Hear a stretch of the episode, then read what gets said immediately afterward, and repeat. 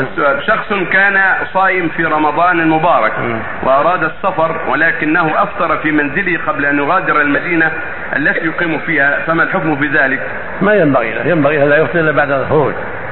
عليه قضاء اليوم ولكن لا ينبغي له المستقبل إلا إذا غادر البلد فارق إمارتها. هذا هو الذي ينبغي.